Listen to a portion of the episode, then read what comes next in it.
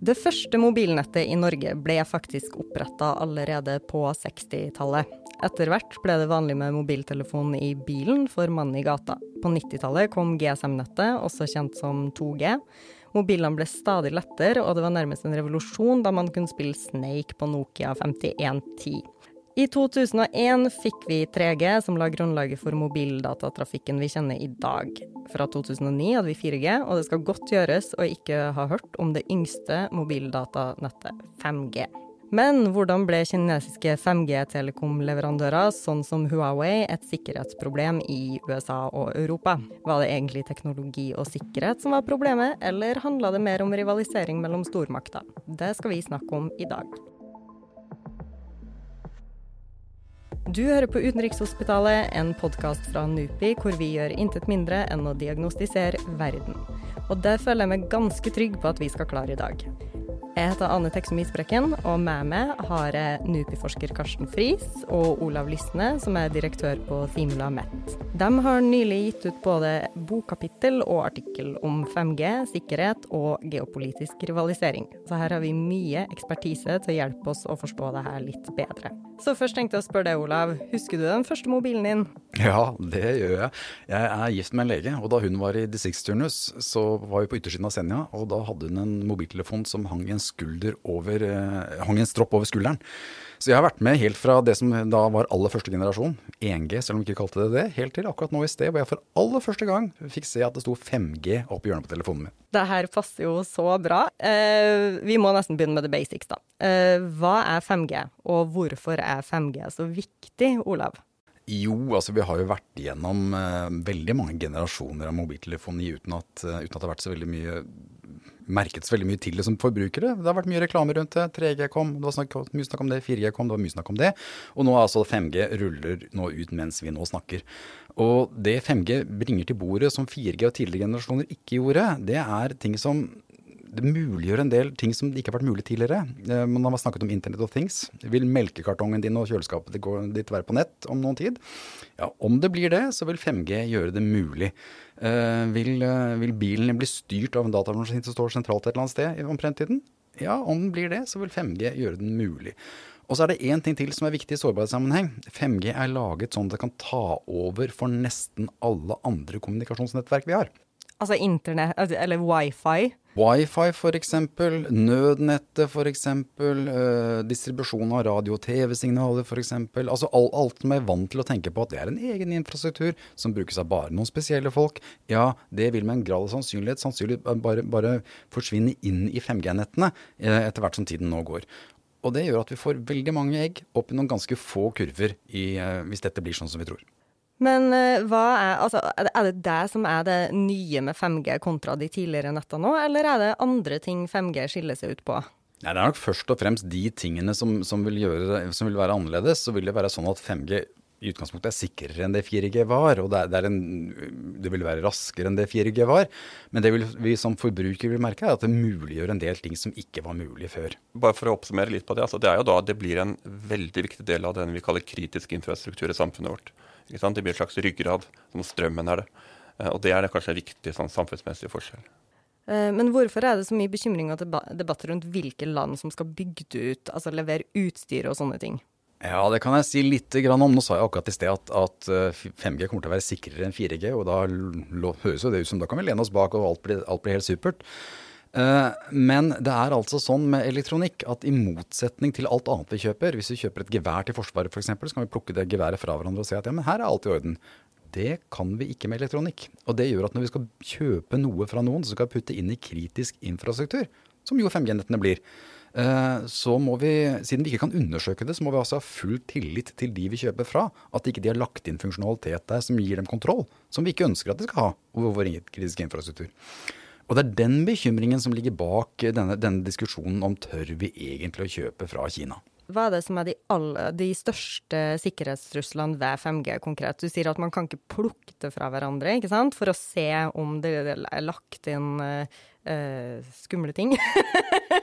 Eller sårbarheter, som dere kanskje vil kalle det. Um, hva, men hva kan på en måte i ytterste konsekvens gjøres? Ja, det man, det man, har snakket om, det er at ok, vi stiller oss i en situasjon hvor, eh, hvor det vil være mulig for la oss si, kinesiske myndigheter, i og med at det er de vi snakker om nå, å, å, å avlytte og telefonsamtaler og, og, egentlig ha kontroll med alt hva som foregår i Norge, gjennom at de har kontroll med, med, med utstyr som er i lommen til hver enkelt nordmann. Uh, det er det ene. Og det andre er i en krisesituasjon så kan man tenke seg at de slår det av for alle andre brukere enn sine egne borgere, f.eks. Strøm, f.eks. da? For eksempel. Mm. Uh, og, så, nå er jeg teknolog, så jeg skal ikke, skal ikke si noe om, om, om sannsynligheten for at de, at de, rent faktisk gjør dette her. Min jobb er egentlig å fortelle er det mulig for dem. Og det litt sånn vonde og vanskelige svaret er, er at ja, det er det nok antagelig. Og så må vi håndtere den situasjonen. Karsten, tenker du, altså han, Olav sier han er teknolog, du er jo statsviter. Hva er sannsynligheten, tror du, for at de kunne ha gjort noe sånt? Ja, når, man, når, man, snakker om sånn beredskap, da tenker man alltid verst tenk, tenkelig situasjon. Det er det Forsvaret og sikkerhet handler om. Det er jo sant, hva som verste som kan skje i den verste situasjonen. Uh, og klart, uh, I det daglige så er det selvfølgelig ingen som tror det. Uh, det og Huawei har jo ikke noe på si svin på skogen. De, ikke, de har jo ikke gjort noe galt, de, holdt jeg på å si. Det man er bekymret for, er jo, er jo kinesiske myndigheter at de eventuelt kan misbruke sin posisjon til å legge press på, det, dette eller andre kinesiske selskap til å, til å, jobbe for dem. Og Da vil jo det i så fall være under en krisesituasjon, eh, hvor situasjonen allerede er så ille at, at, at, at de går til det skrittet. Så, så, det er ikke noe akkurat noe som skjer i morgen, eller, eller noe sånt. Det er en, det er en worst case-scenario, eh, men allikevel er det det, er det, vi også må tenke på, da, i og med at dette er såpass kritisk som det er. Um, kan ikke du bare forklare oss litt om deg også? Hva er på en måte linken mellom Huawei og kinesiske myndigheter? Altså Huawei er jo i Norge, har jo kontorer i Norge og USA, så vidt jeg har skjønt, og i det hele tatt.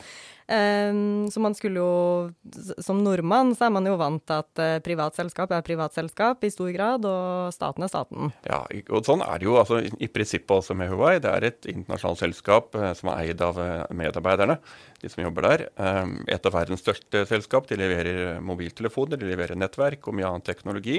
Og, og noe av det absolutt største i verden på dette feltet, og kanskje markedsledende, det kan jo Olav si mer om, men, men de er nok det på veldig mye av teknologiutviklingen. Uh, og det er de vi har brukt. altså Det er jo det vi har nå uh, i Norge. Uh, er jo Huawei på, på 4G. ja, for det, det, er kanskje ikke alle klar over. Nei, ikke sant. Og det, og det, det er ikke, så det er jo ikke noe sånn problematisk, det.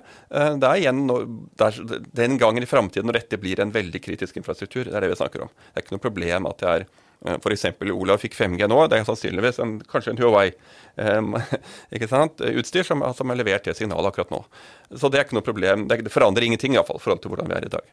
Um, så, så, bekymringen er da, som jeg sa, at, at kinesiske myndigheter, som er en totalitær stat, som, som kan, som kan si, bruke maktmidler som, som, de vil. De har også noen lover som, som gir dem rett og, og mulighet til å eh, ta kontroll over, eller iallfall tvinge selskapet til å jobbe for dem eh, med etterretningsinformasjon og slikt. Så, så, så, det er den bekymringen. Altså, det handler om Kina, ikke om Huawei, for å si det litt enkelt. Um, men sånn for å snu litt på flisa, da. Det kan vel også skje at teknologi som er utvikla av Vesten, brukes av vestlige myndigheter til å overvåke og stjele info også? Skal vi bare stole blindt på våre egne selskap? Ja, altså Det er fullt mulig. Eh, altså Veldig mye av digital teknologi kan jo misbrukes. Eh, både av, av de som lager det, men også av andre som har kjøpt det. Eh, og, og, det er en problemstilling som er med oss. Det gjelder også helt åpent. Altså, Facebook er jo en stor etterretningsorganisasjon egentlig, som samler informasjon av oss eh, og, og bruker den til å selge det videre. Eh, så det er forretningsmodellen. Så, så det finnes mange slike tilfeller. Eh, når det gjelder Telekom, så er det lovregulert. det er ganske strengt. Så man forutsetter jo da at de landene som i norsk sammenheng man har sikkerhetspolitisk samarbeid, sikkerhetssamarbeid med, altså kan, sant, har et allianseforhold til, at de landene kan man, kan man stole mer på. Men tillit ligger i bunnen her også. altså. Da kan jeg bare eh, skyte inn at det er naturligvis akkurat som du sier. At uh, dette er helt symmetrisk. Det er ingen større grunn til at, at man i Østen skulle, skulle, stole på folk i Vesten enn motsatt. Og teknologien er jo lik for alle sammen. slik at, at, den samme diskusjonen foregår ganske sikkert der, selv om vi ikke leser så veldig mye om det i media. Men det vi ser er at vi har liksom vært gjennom noen tiår hvor, hvor det å utvikle teknologi til beste for menneskeheten, det har vært sånn, et stort globalt samarbeid. Altså det har vært uh, designet i USA gjerne, så har chipene blitt bygget i, Østen, gjerne i Kina eller på Taiwan. Så er det satt sammen til et produkt i Europa, så er det blitt solgt i Australia. Og det har vært et fantastisk flott samarbeid. Og noe av det vi nå ser, når dette, disse, disse, problemene vi nå snakker om, blir satt på spissen, det er jo at ja, det er tendenser til at dette, dette nå tar slutt. Altså at, at, dette samarbeidet nå brytes opp, og at vi kanskje får to eh, skal vi si, to helt separate markeder eh, for, for utvikling av, av, av teknologi. Mm. Og det, det ville jo vært et tap, det syns jeg nok. Ja, ikke sant. For det var egentlig mitt neste spørsmål. Hva taper vi med det? Vi deler verden i to. Eh, litt brutalt sagt. Og vi er vel allerede på god vei dit, altså. Eh, på veldig mange digitale plattformer. altså Eh, jeg nevnte Facebook, de bruker jo ikke det i Kina, for å si det litt enkelt, og, og, og tilsvarende. Så, så, jeg er redd vi er på, på, på, vei dit. Og det betyr at halvparten av innovasjonen, på en måte, eh, altså, eller innovasjonskraften deles i to. da. Ja, det er akkurat det den gjør. Og det, det er ett tap. Et annet tap som vi kanskje vil merke som forbrukere, er at vi kanskje, kanskje blir slutt på den tiden hvor vi tar det for gitt at mobiltelefonen vår virker når vi reiser på tvers av landene. Kanskje, kanskje ikke det blir så opplagt lenger. Apropos å dele verden, eller i hvert fall polarisering, så skal vi bevege oss over Atlanteren og høre fra en gammel kjenning, kan man kanskje si. Huawei is something that's very dangerous. You look at what they've done from a security standpoint, from a military standpoint, it's very dangerous. Det var vel liten tvil om hvem vi hørte der. Huawei er noe veldig farlig, sa forhenværende president Donald Trump. Og USA flagger jo gjerne Kina-skepsisen sin høyt, også når det gjelder teknologi, selvfølgelig. Um, men når begynte uh, egentlig denne kritikken og skepsisen fra USA mot Kina for alvor? Ja, La oss eh, spole helt tilbake til slutten på den kalde krigen. Eh, for da var det en annen tid. Da, da tenkte vi at da skal Russland og, og Kina og, og si alle autoritære land i verden bli demokratier. Vi skal hjelpe dem inn, vi skal åpne handel med dem. Eh, og vi skal på den måten, gjennom å handle med dem og samarbeide med dem, så skal vi hjelpe dem å bli demokratiske. Og den veien går verden.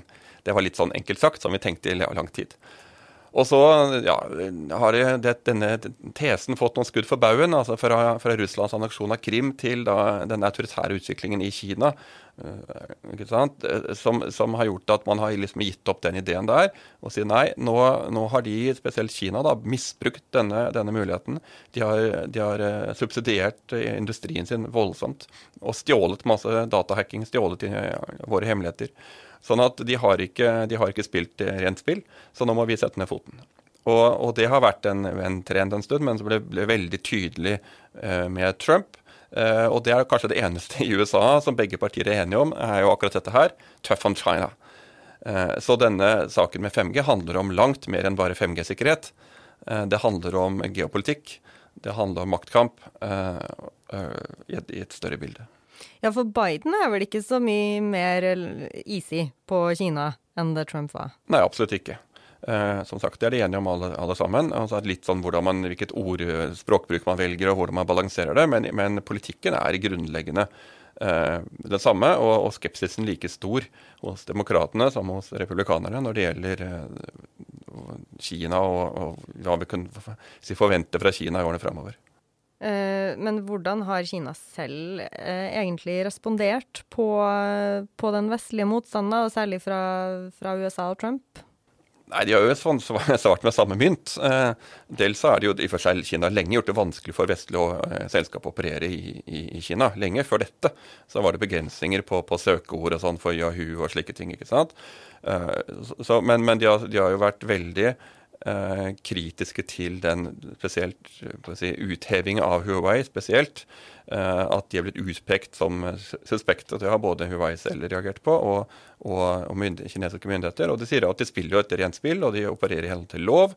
Og de har ikke gjort noe galt, dette er bare politikk. Ja, for hvor påvirka har egentlig Huawei blitt av eh, det her selv? Det må jo ha gått utover forretningsdriften ganske kraftig, eller? Jeg har ikke noe tall på det, men det kan ikke anta noe annet. Eh, I og med at de har store deler av 4G i Europa i dag, og de sannsynligvis ikke får nesten noen land i Europa kommer til å kjøpe dem på 5G. Ja, øh, Hvis man ser litt på tallene her, så ser man at det er overraskende hvor lite det har truffet dem til nå. Men det er klart at uh, nå, jeg tror nok mye av grunnen til det er at de har et enormt hjemmemarked. Og de har et enormt marked i andre deler av verden enn hva de har i Vest-Europa og USA.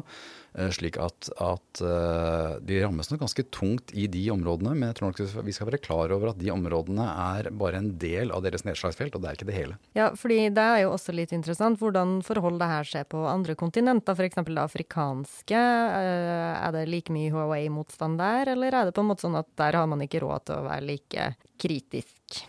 Ja, det er nok eh, mye av det siste du sier der. Litt sånn maktkamp mellom hvilken hvilke stater som tradisjonelt er nærme, nærme Vesten, og som ikke er det. Uh, så, så, der er nok uten at jeg har, jeg har, ikke tallene på det foran meg, men, men, men det er langt større sannsynlighet at, at, at Huawei kommer til å ha et godt fotavtrykk i Afrika og Asia. Men den her, men den her maktkampen da, mellom USA og Kina, kan ikke du Karsten, dra oss fort gjennom hva den går ut på. Og hva har den Eller hvor mye har den å si for USA sin holdning til Kina sine 5G-ambisjoner? Kan vi si at hvis det ikke hadde vært en maktkamp, så hadde en måte Så hadde ikke 5G blitt like kritisert fra USA? Eh, sånn som det blir, f.eks.? Altså, en maktkamp handler om flere ting. Det handler om, om markeder og konkurranse. Det handler også om verdier, som vi var inne på i stad klart en, en, Det at, at, Kina har beveget seg kraftig i en mer autoritær retning, gjør jo at, at det er vanskeligere for, for oss andre si, å samarbeide med dem. Sånn at den, den, skepsisen kunne nok da kommet uavhengig om det var en sånn si, geopolitisk maktkamp utover det. Men så ruster Kina opp kraftig militært. Eh, de er mye mer foroverlent og aggressive i sin utenrikspolitikk enn de har vært. Eh, Se mot, eh, mot naboland og slike ting. Og, selvfølgelig internt med, med, med igurer og Hongkong og slike ting. Og Taiwan nå nylig, hvor de, hvor de sånn, flyr fly og, sant, og, markerer militært. Så, så det, er en, det, er en, mye mer si, tøffere Kina vi har med, med å gjøre. Og så, er det da igjen eh, som sagt, en, en, også en økonomisk maktkamp her. Hvis amerikanerne vil ha arbeidsplassene hjem igjen.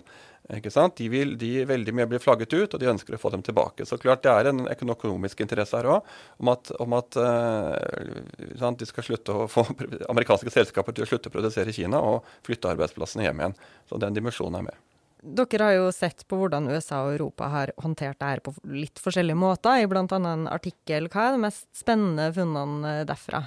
mellom Europa og USA, så, så, har jeg brukt et eller vi har brukt et begrep Det kommer fra meg, det er statsvitenskapelig, så jeg må men, men, men, altså, det er noe som kaller for sikkerhetisering. og Det er et sånt ord. Altså, det handler om at man løfter ting ut av, ut av det vanlige politiske domenet og gjør det til noe mer, til noe mer prekært. Mm. Altså, Da sikkerhetiserer man noe. Sånn som korona? For eksempel, ikke sant? Det kan vi si er sikkerhetisert. Uh, og, og det, det, vi har sett, da, som jeg var inne på her i stad, amerikanerne har sikkerhetisert Kina. Alt som har med Kina å gjøre, er en sikkerhetsrisiko uansett. Der har nok europeerne vært litt mer tilbakeholdne. For vi har jo, kanskje vi er bare late commerce, men, men vi har jo hatt en mer åpen tilnærming til Kina. Uh, ønsket handel, ikke bare følge etter USA. Og vært litt skeptiske til den litt sånn her, og særlig under Trump. Den er liksom antikinesiske. Eh, nå er det jo ikke Europa på glid, men, men, så langt er vi fortsatt såpass mye handel eh, og, og, og, og, relasjoner til Kina at vi ønsker nok å ha en litt sånn mellomposisjon. Eh, så vi har ikke kjøpt hele den sekretiseringen at 'everything Chinese is bad', liksom. Men vi er, vi er, men vi er på, på, på, 5G har vi, vi liksom kjøpt argumentet. og nettopp for det som Olav var inne på i begynnelsen her, vi kan ikke sjekke ikke at utstyret som kommer fra en kinesisk produsent, er eh, vanntett. At det er, at det er sikkert. Uh, og, og, da representerer det en mulig risiko. Uh, så der har vi gått med på å da sikkerhetisere 5G. Altså Der har vi brukt sikkerhetslovgivning, som vi ikke gjorde på 4G, brukt sikkerhetslovgivning for å begrense kinesisk mulighet til å selge til, til, europeiske leverandører. Det er jo litt interessant i den sammenhengen der. ikke sant? Fordi når vi diskuterer hva som nå, når vi nå diskuterer 5G og, og Kina, så så er det jo veldig vanlig å tenke som så at ja ja, hadde vi snakket om dette med mindre det var økonomiske interesser som, som, som sto på spill. Uh, og mye av mitt argument har jo hele tiden vært at, at, jo, det ville vi nok sannsynligvis gjort. Og det burde vi kanskje sannsynligvis gjort, fordi det er, det er en sånn teknologisk realitet i bunnen her som er litt sånn truende. Uh, og som er akkurat dette med at, at ja, men vi er, vi er, henvist til ganske ja, nesten blind tillit når vi kjøper, kjøper elektronisk utstyr. Og da er det jo sånn at ja, så lenge vi kunne undersøke utstyret, så behøvde vi på en måte ikke stole på, på de som hadde laget det. Da, da var, var, tenkte vi bare stole på vår egen undersøkelse. Og det er det som er blitt borte nå. Men hvorfor kan vi ikke undersøke det? Det er sikkert et kjempedumt spørsmål. Det men... er et fordømt godt, godt spørsmål. Fordi eh, jeg endte opp med å skrive en hel bok med å argumentere for hvorfor det er sånn. Uh, at det ikke finnes noen metode for å, for å undersøke elektronikk. Og, altså, hoved, det er to hovedsvar på det. Det ene er at det er så enormt komplekst. Uh, slik at hvis du skal prøve å se gjennom de anslagsvis ja, la oss si 10 millioner kodelinjer som styrer bare PC-en din, uh, så vil det ta så lang tid at innen man er ferdig med det, så vil PC-en din være fem generasjoner gammel. Da bruker du den ikke lenger.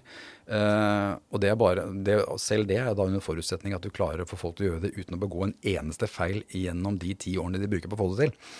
så det er én side av det. en den andre siden av det, det er at når du kjøper elektronisk utstyr, så, så, så, kjøper du det ikke, og så tar du det med deg, og så kan, kan, de som laget det, ikke røre det lenger. Du får hele tiden sikkerhetsoppdateringer. Det får du på mobiltelefonen din. Det får du på PC-en din. Ikke sant? Nå er det en ny sikkerhetsoppdatering. Vil du laste den ned? Og da har du lært at jo, svaret på det er ja. Da laster du den ned. Og så installerer du den på, tele på telefonen din eller på PC-en din, for det gjør du av sikkerhetsgrunner. Men problemet i dette tilfellet her, det er at ja, men den sikkerhetsoppdateringen den er jo også laget av de som du kanskje ikke helt stolte på. Og kanskje du stolte på dem da du kjøpte PC-en din. Men hvis jeg ikke stoler på dem nå lenger, hva gjør jeg da da?